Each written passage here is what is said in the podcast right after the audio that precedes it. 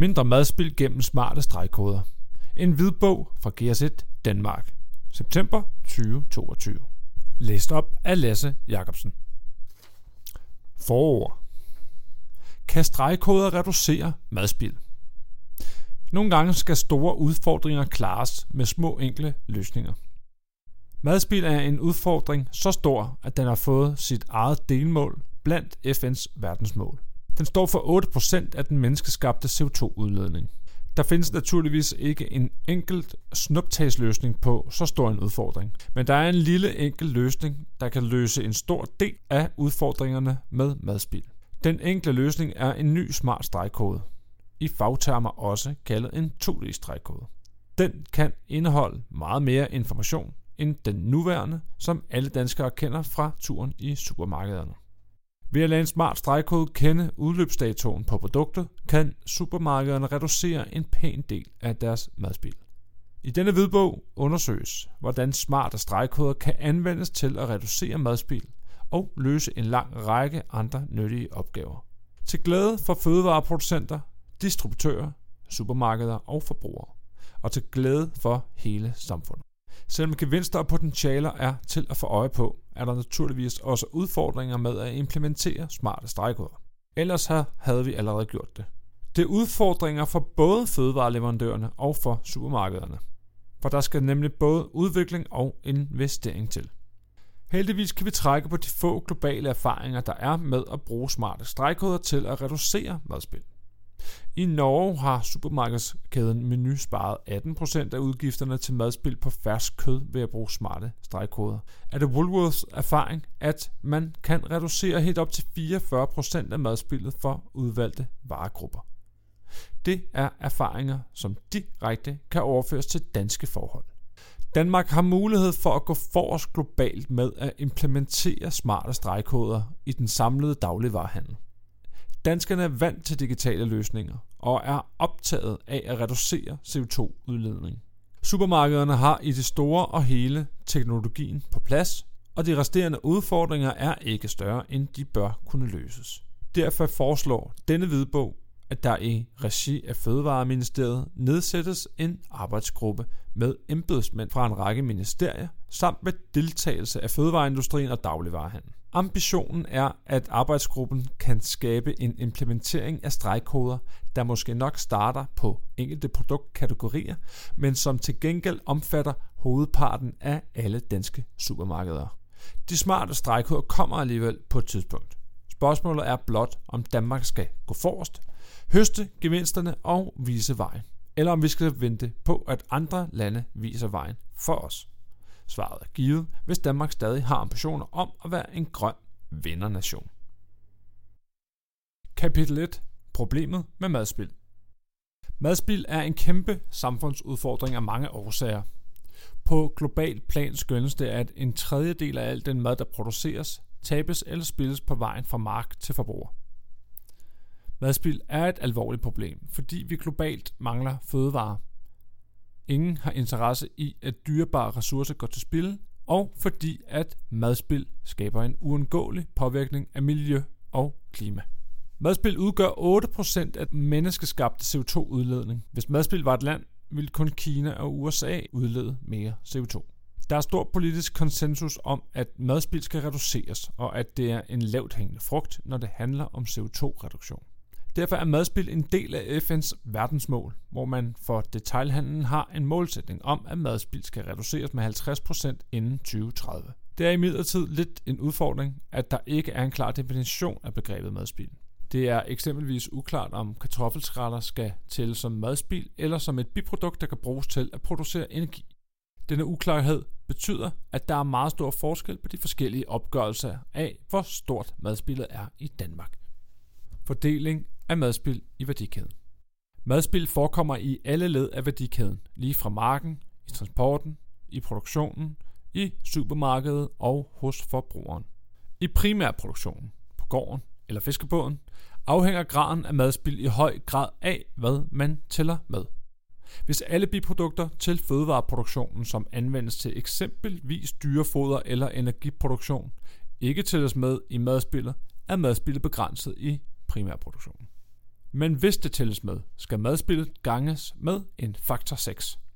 Madspillet i primærproduktionen er ofte selvdøde eller kasserede dyr samt afgrøder, spildt på marken eller sorteret fra af forbrugerhensyn på grund af deres udseende. Også når det gælder proces- og fremstillingsindustrien, er der stor usikkerhed om, hvordan man skal opgøre madspillet. Noget af madspillet er uundgåeligt. Det gælder f.eks. knogler, der sorteres fra på et slagteri. Andet afhænger af definitionen af madspil, som for eksempel brugen af kartoffelskralder i energiproduktionen.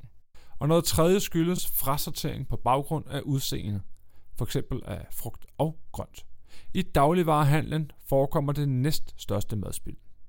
Mængdemæssigt er det særligt brød og kager samt grøntsager og frugt, der smides ud. Op imod 40% af al frugt og grønt kasseres. Økonomimæssigt er tabet størst inden for koldt pålæg, fersk kød, færdigretter og mejeriprodukter. Det anslås, at madspillet er mindre i discount-supermarkeder på grund af det mindre udvalg og en mindre opbevaringsperiode. Forskellige undersøgelser peger på, at ca. 2% af alle fødevarer aldrig bliver solgt til forbrugerne. Dagligvarehandlen påvirker i øvrigt madspillet i to andre sektorer. For det første kan de sende kasserede produkter tilbage til producenterne, og dermed flyttes madspillet til producenten. For det andet kan de gennem markedsføring og kampagne fremme køb hos forbrugerne, der i sidste ende fører til madspild, fordi man køber mere end det, der er behov for. På mange måder er dagligvarehandlen et centralt omdrejningspunkt for madspild, i det de har en direkte indflydelse på, hvilke fødevarer primærproduktionen skal fremstille, og fordi de kan påvirke madspillet både hos producenterne og forbrugerne. Der er generelt enighed om, at husholdningen er den største kilde til madspild. Der er generelt enighed om, at husholdningerne er den største kilde til madspild. Ifølge en undersøgelse fra 2012 producerer hver dansker 76 kg madspild hvert år. Af de 76 kilo betragtes 55% som undgåeligt, men det resterende affald er uundgåeligt, f.eks. ben, skaller og lignende. Det er især uforarbejdede fødevarer, som vi smider ud. Det meste er enten frugt, grøntsager eller madrester. Færsk kød er den kategori, som vi smider mindst ud af. En dansk undersøgelse viser, at hver husstand smider fødevarer ud for 3.200 kroner om året. Forskellige studier af husholdningernes madspild peger blandt andet på, at utilstrækkelig køling, opbevaring og indpakning er årsager til madspild. Desuden peges der på for lave priser på fødevarer, forvirring om fødevarernes holdbarhed, samt ernæringsrådgivernes fokus på grøntsager og frugt. En dansk undersøgelse for Fødevareministeriet gennemgår de forskellige muligheder, der er for at forebygge eller reducere madspild. De evaluerer følgende initiativer. Opsætning af mål og indsamling af data. Der er behov for, at man på EU-plan opstiller en standardiseret måde til rapportering af madspild. Det kræver robuste og troværdige data på madspild. Med en standardiseret metode til måling af madspild vil det være muligt at opstille mål for, hvor meget madspild skal være reduceret i løbet af en given periode. En forudsætning for det er, at man bliver enige om en fælles definition af madspild. Integreret styring af forsyningskæden for fødevarer. Dette initiativ handler grundlæggende om bedre informationsdeling mellem forskellige stakeholdere. Et nordisk studie har vist, at man ved at dele data mellem supermarked og leverandør på let fordærvelige varer, kan reducere betydningen af den usikkerhed, der er i efterspørgselen. Det gælder især for varer, der skal holdes nedkølet. Det gælder især for varer, der skal holdes nedkølet. Her viser undersøgelser, at der kan være potentiale i en lavere køletemperatur og i at placere flere let fordærvelige varer i køleskab. Det gælder i særlig grad for kød, hvorimod udgifter til nedkøling af mejerivarer kan overstige gevinsten ved mindre madspil. Ændring af standarder for datomærkning. Der er meget, der kan gøres vedrørende datomærkning. For det første kan datomærkningen tydeliggøres, så den er nemmere at aflæse for både forbrugere, supermarkeder, producenter og logistik. For det andet bør producenter sætte en mere optimal sidste brugsdato end i dag. For det tredje bør man fjerne udløbsdato for ikke fordærvelige varer. Og endelig bør der laves forbrugeroplysningskampagner om datomærkning. Der findes to datomærkninger i EU. Bedst før handler om kvalitet og fremtræden, mens sidste anvendelsesdato handler om fødevaresikkerhed. En omfattende europæisk undersøgelse viser, at kun 55% af danskerne forstår bedst før korrekt, og at med sidste anvendelsesdato er vi nede på 43%, der forstår betegnelsen korrekt. To ting reducerer effekten af bedre datoinformation. For det første er der ikke datomærkning på de produkter, hvor madspillet er størst, frugt og grønt, og for det andet, er datoinformationen ikke nødvendigvis årsagen til, at forbrugerne ikke får brugt fødevaren i tiden. Ændring af markedsføringsstandarder. EU har forsøgt at lempe markedsføringsstandarderne for at sikre, at flere fødevarer af irregulær størrelse eller af lavere kvalitet vil blive solgt. Det har imidlertid vist sig, at det ikke er regulering, der styrer udbuddet, men markedet. Udbyderne i form af supermarkeder og producenter har en vis indflydelse, men det er især forbrugernes efterspørgsel, der er afgørende. Undersøgelser tyder på, at forbrugerne godt vil acceptere, at frugt og grøntsager ikke er i perfekte form og størrelser. Bedre indpakning. Der er muligvis også et potentiale i at pakke fødevarer bedre ind, for at de kan holde sig længere. Og i at lave mindre pakninger, så forbrugerne ikke brænder inde med for store mængder. Der er dog grænser for, hvor meget mere man kan opnå teknologisk gennem indpakningen, der også kan gøre varerne dyre og mindre mængder i hver pakning er som udgangspunkt lige med, at fødevarene bliver noget dyrere for forbrugerne. Desuden kan hverken bedre indpakning eller mindre mængder i sig selv forebygge, at forbrugerne ikke får konsumeret fødevarene i tid. Ændrede skatter, afgifter og tilskud. Man har undersøgt, om differentieret moms på fødevarer eller en afgift på den mængde organisk affald, som man smider ud, kan have en positiv indflydelse på madspild. Udfordringen med denne slags værktøjer er, at fordelene for den individuelle forbruger er begrænset sammenlignet med de udfordringer, der er ved at sortere affald og købe fornuftigt ind. Omfordeling af fødevarer. Det er mest hensigtsmæssigt at forhindre madspild i at opstå. Men hvis man har en overproduktion af fødevarer, er det bedre, at fødevarene finder en anvendelse end blot at blive kasseret. I Danmark har vi efterhånden opbygget et system, hvor overskud af fødevarer hos producenterne og grossister gennem Fødevarebanken fordeles til sociale organisationer, som laver maden til måltider for socialt udsatte. Også på et mere lokalt plan ser man donation af overskydende fødevarer til sociale organisationer, der kan bruge det til velgørende formål. Potentialet for yderligere og mere effektiv distribution af overskydende eller frasorterede fødevarer skulle være stort i de nordiske lande. Opsamling. Madspild er en betydelig udfordring for samfundet og har været det længe. Til gengæld er potentialet for at reducere udledningen af CO2 betydeligt. Mest madspild sker hos forbrugerne, men potentialet for at reducere madspild er også stort i dagligvarehandlen, der har det næststørste madspild. De kendte muligheder for at reducere madspild omfatter indsamling af data, bedre logistik og bedre indpakning. Der er således behov for nye løsninger, der kombinerer data, logistik og indpakning, og som kan reducere madspild i alle led fra mark til have. Mere om det i næste afsnit. Kapitel 2. Smarte stregkoder. Alle kender den traditionelle stregkode, der i fagkredse betegnes som EAN-stregkoden, og som vi kender fra varerne i supermarkedet. Den indeholder en simpel information i form af et nummer, der kan aflæses nemt af en scanner i et kasseapparat. Nummeret på 13 cifre står lige under stregkoden. Det er et såkaldt GTIN-nummer. Global Trade Item Number står det for, og det bruges til at identificere varen. I kasseapparatet kobles nummeret til en pris. Ulempen med den traditionelle stregkode er, at den kun kan indeholde meget begrænset data. Og på varen i dag er der i stigende grad brug for flere og flere informationer.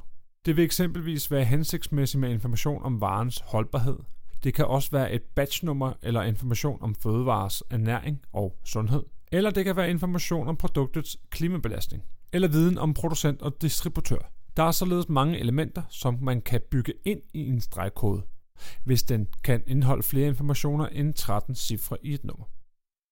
Fordele med smarte stregkoder. De nye todimensionelle stregkoder rummer markant mere data end de nuværende endimensionelle stregkoder. Det skyldes, at data er pakket både horisontalt og vertikalt, og derfor kan 2D-stregkoder rumme op til 7000 tegn i et område, der kan være mindre end en kvadratcentimeter. Udover mere data på meget mindre plads, har de nye smarte stregkoder også andre fordele. De er mere robuste i det, de har indbygget en algoritme, der retter fejl i læsningen af dem. Derfor kan de læses, selvom de er beskadede, hvilket står i modsætning til EAN-stregkoden. De er også nemmere for scannerne at aflæse, og de kan blive aflæst nøjagtigt med en højere hastighed end tilfældet er for de lineære stregkoder. De er også mere sikre at benytte, i det man kan vælge at kryptere data i en 2D-stregkode. Den sidste store fordel ved de nye stregkoder er, at de kan aflæses af de fleste eksisterende stregkodescannere, men også af kameraet på en mobiltelefon. Dermed kan de nye smarte stregkoder også nemt understøtte de nye former for indkøb, hvor kunder selv scanner varerne gennem en app. Udfordringerne med alle fordelene ved de smarte stregkoder kan man undre sig over, hvorfor vi ikke for længst har taget dem i brug. Når det ikke er sket endnu, skyldes det en række udfordringer, som skal overvindes. Hos producenterne er en udfordring, at de skal gå fra, at de nuværende stregkoder bliver trykt sammen med resten af emballagen, til at den smarte stregkode fremover skal printes på emballagen. Stregkoden skal printes, fordi den indeholder dynamisk data, der ændrer sig ofte. Derfor kan man ikke bare anvende trykte stregkoder, men har behov for at printe, så der kan komme en ny stregkode på hver gang man ændrer batch. Eller at der er gået en dag, så bedst før datoen ændrer sig. Samtidig kan det ikke udelukkes, at smarte stregkoder medfører en mindre omsætning for fødevareleverandørerne, når supermarkederne bliver i stand til at optimere sine indkøb.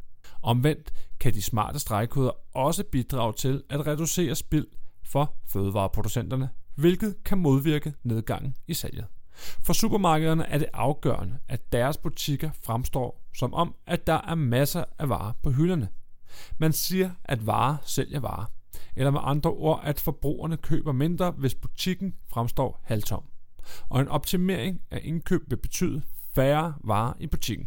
Der findes imidlertid metoder til at sikre, at en butik fremstår som om der er masser af varer på hylderne. Man arbejder med skråhylder i køleskabene, der skubber varerne frem mod døren, hvorfor der altid ser fyldt ud, selvom der kun er 2 liter mælk tilbage. En anden betydelig udfordring er, at supermarkederne skal omstille deres IT-systemer til at kunne håndtere de nye smarte stregkoder. Det drejer sig kun i mindre grad om, at kasseapparaterne skal kunne scanne de nye stregkoder. Det kan de fleste nemt omstilles til, og der vil desuden være gamle stregkoder på varerne i en overgangsperiode. Udfordringen er snarere at skabe de nye systemer, der gør, at supermarkederne kan høste alle fordelene af de smarte stregkoder. Det kræver systemer, der kan give et overblik over, hvor der for eksempel er datokritiske varer. Erfaringerne fra Norge og Australien viser, at denne del kræver investeringer fra supermarkedskæderne. Dette berøres senere i denne hvidbog. Endelig vil antallet af scanninger naturligvis vokse betydeligt i fremtiden. Det vil isoleret set medføre mere arbejde for medarbejderne, men det modsvares af, at færre varer skal håndteres i det, man kan bestille færre varer hjem, og man skal kassere færre varer. Anvendelsesmuligheder de nye smarte stregkoder kan først og fremmest anvendes til at reducere madspild, men de har også en række andre fordelagtige anvendelsesmuligheder madspild.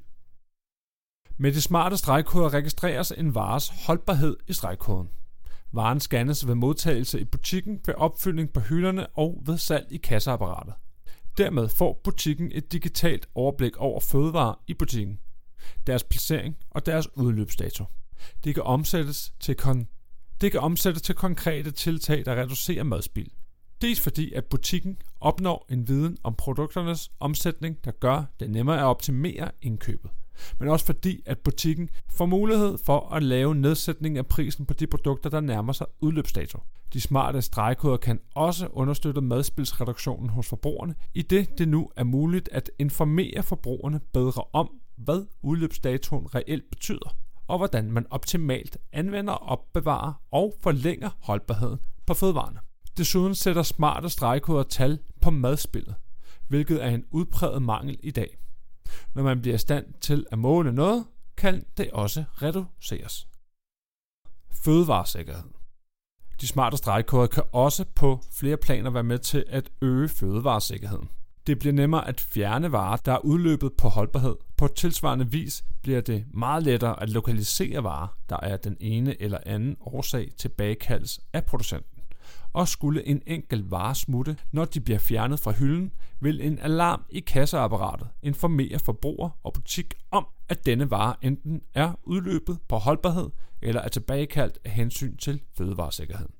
Det vil også øge mulighederne for at bekæmpe forfalskning af mærkevarer, så forbrugernes sikkerhed for at købe det rigtige stiger. Smarte stregkoder kan også medvirke til at skabe transparens i hele forsyningskæden, så forbrugerne ikke bare ved, hvem der er leverandør af en fødevare, men også får indsigt i alle underleverandørerne. Mærkning af bæredygtighed. Bæredygtighed kan ikke reduceres til et ikon, der med et simpelt grafisk udtryk fortæller om produktets CO2-udledning eller påvirkning af biodiversitet. En dansk produceret tomat er næsten CO2-neutral, når den produceres om sommeren, mens den om vinteren er en af de mest CO2-belastede fødevarer, man kan købe. For at sikre, at forbrugerne er velinformerede om alle aspekter af en vares bæredygtighed, kræver det en datamængde og en dynamik, som de traditionelle stregkoder ikke kan levere, og som varernes emballage heller ikke har plads til. Med smarte stregkoder kan forbrugerne gennem deres mobiltelefoner få et langt mere nuanceret og tidsaktuelt billede af produkternes bæredygtighed på alt fra klima og biodiversitet til sociale forhold og overholdelse af menneskerettigheder. De kan også få indsigt i, hvordan de selv behandler produktet og bortskaffer emballage og rester på den mest bæredygtige måde. Effektivisering og omkostningsreduktion. En anden oplagt gevinst hos producenter og dagligvarehandel er muligheden for at effektivisere logistikken og dermed reducere omkostninger. Det bliver nemmere at opretholde en optimal lagerstyring, hvor det altid er de varer, der er kommet først ind på lageret, der tages først ud. Med opbygning af data og brug af kunstig intelligens bliver indkøbsmønstrene kortlagt mere præcist, og det muliggør eksempelvis, at supermarkederne kan nøjes med at indkøbe de antal varer, som de reelt også får videresolgt til forbrugerne. Smartphones som alternativ til kassescanner. 2D-stregkoder er allerede adopteret af smartphones, hvilket betyder, at man ikke er afhængig af kassescanner, og derfor er scan- og betalløsninger allerede lige til at sætte i gang. Dette betyder også, at mulighederne for at lave præcise tilbagekald helt ud til forbrugeren er en oplagt mulighed. Forbrugerkommunikation og branding. Mulighederne for at kommunikere med forbrugerne om et produkt bliver markant forøget med smarte stregkoder. Forbrugerne kan deltage i konkurrencer, modtage opskrifter på måltider, hvor fødevarene indgår, modtage tilbud, opnå viden om brandet og om fremstilling af produktet, samt få vejledning i anvendelsen af produktet i øvrigt. De smarte stregkoder åbner helt nye muligheder for markedsføring af produkterne. Digitalt produktpas som et led i European Green Deal arbejder EU på at introducere et digitalt produktpas, der skal indeholde information om sammensætning af de forskellige produkter med henblik på at fremme genbrug og genanvendelse af produkterne. Smarte drejkoder er som skabt til at indeholde det digitale produktpas. Gears 1 er allerede på nuværende tidspunkt i gang med at udarbejde et digitalt produktpas for batterier til elbiler i form af en 2D-stregkode. Her er ideen at identificere de vigtige informationer om batterierne og gøre dem tilgængelige gennem en smart stregkode, så brugerne af produktet ved, hvordan man genbruger batteriet, eller hvordan det kan bortskaffes på den mest bæredygtige måde.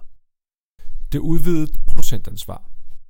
Det digitale produktpas skal ses i sammenhæng med det udvidede producentansvar, hvor producenterne får ansvaret for affaldsfasen i deres produkters liv. Ambitionen er, at producenterne skal betale for affaldsbehandling af deres produkter. Hvis et produkt kan genanvendes, bliver det billigere for producenten. På den måde ønsker EU at fremme cirkulært produktdesign gennem økonomiske incitamenter. Smarte stregkoder spiller her en rolle i dokumentationen af, hvor stor en andel af produkterne, der genanvendes, og hvor stor andelene, der bortskaffes, er. Det udvidede producentansvar omfatter både selve produktet og emballagen opsamling. De smarte stregkoder, som mange danskere kender som QR-koder, kan indeholde markant mere information, bruger mindre plads på emballagen og er nemmere at scanne. Den store udfordring er, at koden skal printes i stedet for at trykkes. Desuden skal supermarkedernes IT-systemer kunne håndtere de nye stregkoder og de mange muligheder fra de store datamængder, som de smarte stregkoder skaber. Til gengæld kan de smarte stregkoder meget mere end at reducere madspild. De kan også bidrage til blandt andet fødevaresikkerhed og forbrugeroplysninger. Der er således et stort potentiale i at få løst udfordringerne og få implementeret de smarte stregkoder. Spørgsmålet er, hvordan? Kapitel 3. Udenlandske erfaringer I Norge og Australien har man gjort sig de første erfaringer med at bruge smarte stregkoder til at bekæmpe madspild. Indtil nu har det været i form af forsøg i enkelte supermarkedskæder.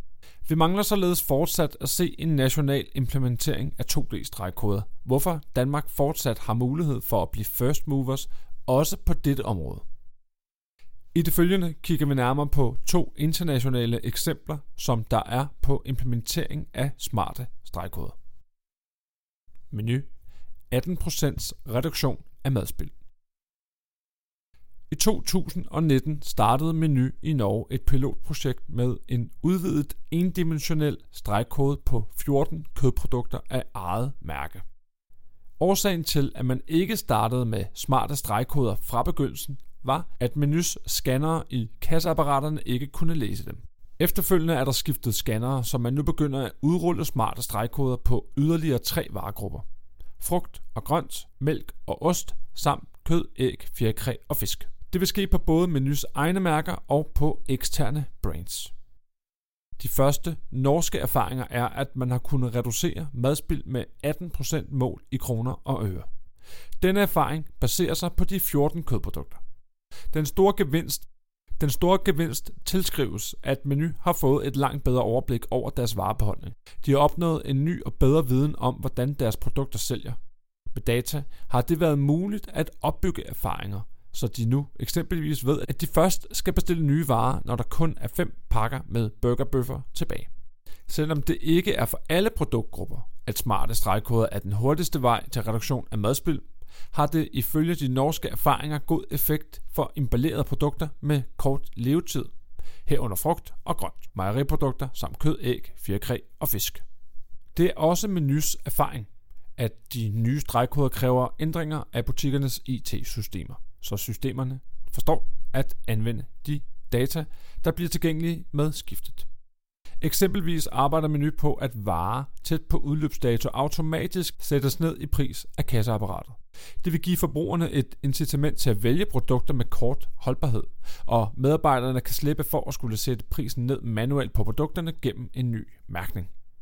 De norske erfaringer peger også på, at et godt samarbejde mellem kæderne, leverandører, myndigheder og interesseorganisationer er afgørende. Woolworth 44% reduktion af madspild og 21% øget effektivitet. Woolworth har implementeret smarte stregkoder i flere faser. Det startede i 2017 med en udvidet endimensionel stregkode på de friske frugter og grøntsager, der vejes og scannes ved kassen. Året efter begyndte de med at sætte smarte stregkoder på emballerede kød- og fjerkræsprodukter, primært af eget mærke. I denne fase startede det med en 8 ugers pilotfase i 6 butikker. Det blev i 2020 omsat til en national udrulning af smarte stregkoder på 310 kød- og fjerkræsprodukter, svarende til halvdelen af sortimentet. Siden har man forbedret IT-systemerne til bedre at kunne håndtere de nye data fra stregkoderne, og lige nu arbejder man også på at implementere smarte stregkoder på en række nye produkter, herunder færdigretter og mejeriprodukter. Woolworths erfaring er, at der kan ske reduktion af de varer, der må kasseres på baggrund af overskrevet udløbsdato med op til 44%. De australske erfaringer peger imidlertid også på, at der er meget stor forskel fra butik til butik, og at det helt afhænger af butikkens evne til at arbejde med stregkoder og data. Den australske supermarkedskæde har investeret i evnen til at kunne håndtere smarte stregkoder, men det er en investering, der tjener sig ind på mindre end tre år. Det skyldes blandt andet, at butikkerne også opnår en effektivisering på op til 21% som følge af de nye stregkoder. Erfaringerne fra Woolworths er også, at der er en stor opgave i at få leverandørerne med på projektet. Det har i høj grad handlet om at øge deres viden. Woolworths oplevede leverandører, der var overbeviste om, at de ikke havde teknologien til at printe smarte stregkoder. Efter en dialog med deres leverandører fandt de ud af, at det kunne godt lade sig gøre. Af denne årsag har Woolworths udarbejdet en guide til alle deres leverandører, så de nemt finder ud af, hvad der kræves, og hvad de kan opnå af forretningsværdi ved at indføre de smarte stregkoder. Australierne peger også på, at projektet er temmelig langvejt og kræver involvering af flere stakeholdere. Herunder regeringen, som kan have interesser i at forbedre fødevaresikkerhed i forbindelse med indførsel af nye stregkoder. Opsamling de udenlandske erfaringer er begrænset, men til gengæld peger de i samme retning. Der er et betydeligt potentiale i at benytte smarte stregkoder til at bekæmpe madspild. I Norge har man opnået en reduktion af det økonomiske tab på madspild på 18%. I Australien er erfaringerne, at man kan komme op på en madspilsreduktion på 44%. Og det er værd at bemærke, at meget teknologi findes i forvejen og at erfaringerne fra begge lande peger på en bred involvering af stakeholdere. Kapitel 4 Hvordan kan stregkoder bekæmpe madspild? Smarte stregkoder kan løfte vores indsats med at bekæmpe madspild gennem næsten alle led fra fødevaren produceres til den forbruges i danskernes hjem. I dette kapitel følger vi fødevaren fra producent til forbruger for at identificere de steder, hvor stregkoder gør en forskel for, om fødevaren bliver forbrugt eller spildt. Hos producenten. Når fødevareproducenten påbegynder at producere et nyt parti af et produkt, begynder emballagesystemet at påføre en ny smart stregkode på varerne. Stregkoden scannes, når produktet leveres på lageret, og når produkter tages ud af lageret, scannes koden igen. Producenten ved dermed også nøjagtigt, hvor mange varer af et bestemt parti, der er sendt afsted til de enkelte butikker. Skulle der komme varer retur fra en butik, af den ene eller anden årsag scannes produkterne igen. Fødevareproducenten kan bruge smarte stregkoder til at minimere madspild på flere niveauer. For det første kan de smarte stregkoder sikre en optimal lagerstyring, hvor princippet om først ind, først ud overholdt til punkt og prikke. For det andet kan kilder til spild på lageret identificeres, og hele processen fra produktion til butik kan optimeres. For det tredje kan producenten også se, om der er en systematik i, hvilke butikker de modtager mange returvarer fra. Det giver anledning til en dialog med butikken om at identificere årsagerne til de mange returvarer. Og endelig betyder overgangen fra trykning af stregkoder til print af stregkoder en reduktion af spild af etiketter og emballage under transporten. Når varerne hentes hos producenten, scanner chaufføren den smarte stregkode på de partier af varer, som han får ind i vognen. Det giver transportøren et overblik over varer og leveringssteder, der kan sikre en optimal rute til butikkerne, så følsomme madvarer belastes kortest muligt af transporten. En optimal ruteplanlægning reducerer i øvrigt også den direkte udledning af CO2 fra lastbilen. Ved at samarbejde med leverandører og butikker kan transport- og logistikvirksomheder opnå viden om, hvilke transportformer, der minimerer den skade, fødevarene påføres under transport. Det vil også reducere madspillet. I butikken spiller smarte stregkoder mange roller, der kan bidrage til at reducere madspillet. Når varen leveres til butikken, scannes den smarte stregkode. Den scannes igen, når varen placeres på hylden, og den scannes til sidst, når varen forlader butikken.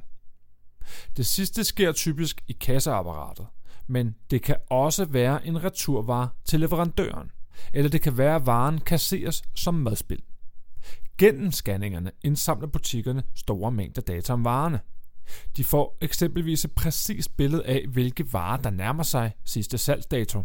Og dermed kan de varer promoveres ekstra både gennem placering og ved automatisk nedsættelser af prisen. Butikskæderne kan indføre regler om, at alle varer, der sælges x dage før udløb, reduceres med y procent. Det kræver lidt opdragelse af kunderne, men man kan til gengæld skabe en mere hensigtsmæssig indkøbsadfærd på sigt. De smarte stregkoder skaber således et overblik, der muliggør, at man proaktivt kan reducere madspild ved nærmere at kunne sælge fødevarene før udløb. De smarte stregkoder reducerer også madspild ved, at butikkerne kan anvende de store datamængder til at optimere sine indkøb, som vi så i eksemplet fra Menu i Norge, får butikkerne et præcist billede af omsætningen på den enkelte vare, så de ved, hvornår der skal bestilles nye i tide, og dermed undgår at brænde inde med gamle produkter og undgå tomme hylder. Det sidste er vigtigt for supermarkederne, fordi varer sælger varer.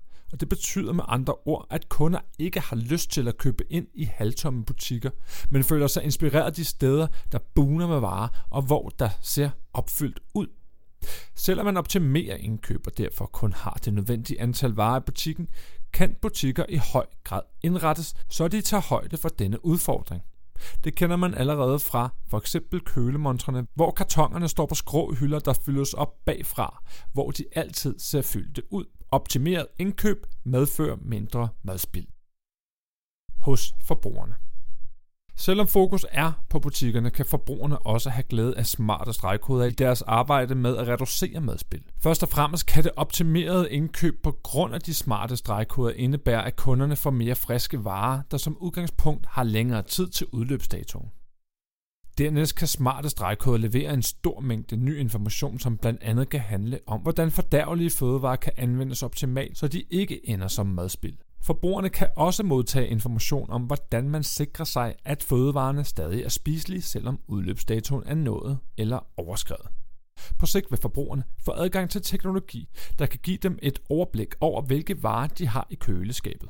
Køleskabet får dermed mulighed for at scanne varerne, når de lægges ind og tages ud.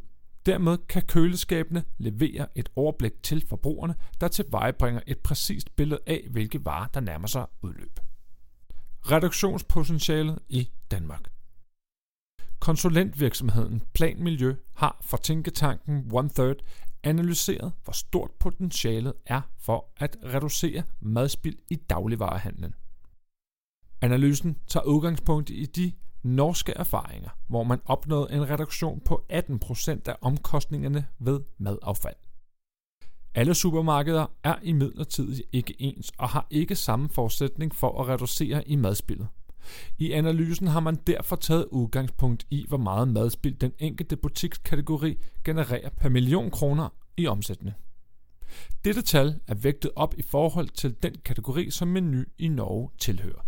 Man er nået frem til, at der i Danmark er et umiddelbart potentiale for at reducere madspillet i detail i detaljledet alene ved brug af smarte stregkoder med 21.000 tons, hvilket svarer til en samlet reduktion på 28% af det madspild, som de forskellige dagligvarerbutikker har i dag. Opsamling Selvom potentialet for at reducere madspild med stregkoder er størst i dagligvarehandlen, kan smarte stregkoder bidrage med madspildsreduktion gennem hele værdikæden fra produktion til forbruger. I butikken vil de smarte stregkoder betyde et mere optimeret indkøb af fødevarer samt bedre muligheder for at sælge de varer, der nærmer sig udløb. Med udgangspunkt i de begrænsede norske erfaringer har vi i Danmark potentialet til at kunne reducere madspillet med 21.000 tons. Det gælder bare om at komme i gang. Kapitel 5. En model for at bekæmpe madspild med stregkoder. En implementering af smarte stregkoder i Danmark kan starte mange steder. Man kan starte helt minimalistisk med at lave pilotforsøg på en enkelt produktkategori i udvalgte butikker i en enkelt supermarkedskæde. Og så kan man politisk beslutte, at alle produkter i Danmark, der i dag har en endimensionel stregkode, skal overgå til at benytte smarte stregkoder inden en politisk fastsat dato. Det giver imidlertid ikke meget mening at lave en minimalistisk tilgang, hvor man starter med en enkelt produktkategori i udvalgte butikker i en enkelt kæde. De erfaringer har vi nemlig allerede fået fra Norge og Australien. Og så stor forskel er der ikke til danske forhold, at det kalder på et pilotforsøg. Omvendt er det også et meget omfattende indgreb i dansk dagligvarehandel, hvis man med et pennestrøg indfører smarte stregkoder gennem lovgivning. En dansk tilgang. Løsningen bør være at starte med enkelte produktkategorier i så mange supermarkedskæder som muligt. Det er eksempelvis oplagt at starte med fersk kød, hvor man i forvejen printer emballagen, og hvor potentialet for reduktion af CO2 er størst. Det vil helt oplagt være en betydelig fordel og i tråd med, hvordan vi normalt løser den her slags i landet. Hvis supermarkedskæderne ikke pålægges at bruge smarte stregkoder, men i stedet deltager frivilligt, og i øvrigt er med til planlægning. Samme tilgang gælder naturligvis også for fødevareproducenterne. De udlandske erfaringer peger i øvrigt også på, at man skal involvere mange stakeholder i arbejdet med at implementere smarte stregkoder. Og da der i Danmark er et betydeligt politisk fokus på at reducere madspild og CO2-udledning, vil det være oplagt, at myndighederne indtager en rolle i implementeringen af de nye stregkoder. En oplagt model er derfor, at man i regi af Fødevareministeriets departement nedsætter en arbejdsgruppe, der får til opgave at sikre en hurtig og ambitiøs implementering af smarte stregkoder i dansk dagligvarehandel, baseret på frivillig deltagelse. Der kan hentes inspiration i den måde, som man har bragt stakeholderne sammen i et arbejde for at udvikle klimamærkningsdokumentation. Denne tilgang vil sikre, at en dansk implementering sker i et tempo, der er realistisk for både fødevareproducenter og supermarkedskæder, men hvor der også er en politisk deltagelse i form af relevante embedsmænd, der kan sikre, at fremtiden er tilstrækkelig i forhold til de politiske ambitioner om at reducere madspild og CO2. På baggrund af ovenstående er det således vores anbefaling, at Fødevareministeriet nedsætter arbejdsgruppe for implementering af smarte stegekoder med deltagelse af embedsmænd fra Ministeriet for Fødevare, Landbrug og Fiskeri, Erhvervsministeriet samt Klima, Energi og Forsyningsministeriet. Desuden bør alle supermarkedskæder i Danmark inviteres til at deltage sammen med Dansk Erhverv. En række af de største fødevareproducenter bør også deltage i samarbejdet med Landbrug og Fødevare. Og endelig vil det være hensigtsmæssigt at tilknytte en række andre virksomheder og organisationer. Det kan eksempelvis være producenter og printløsninger til emballage, logistikløsninger til supermarkeder og GSE Danmark som ekspert i stregkoder. Udarbejdelse af et kommissorium og nedsættelse af arbejdsgruppen for implementering af smarte stregkoder bør ske hurtigst muligt. Ved at indføre smarte stregkoder vil vi kunne tage et betydeligt skridt mod at indfri FN's verdensmål for så vidt angår detailhandlen i Danmark.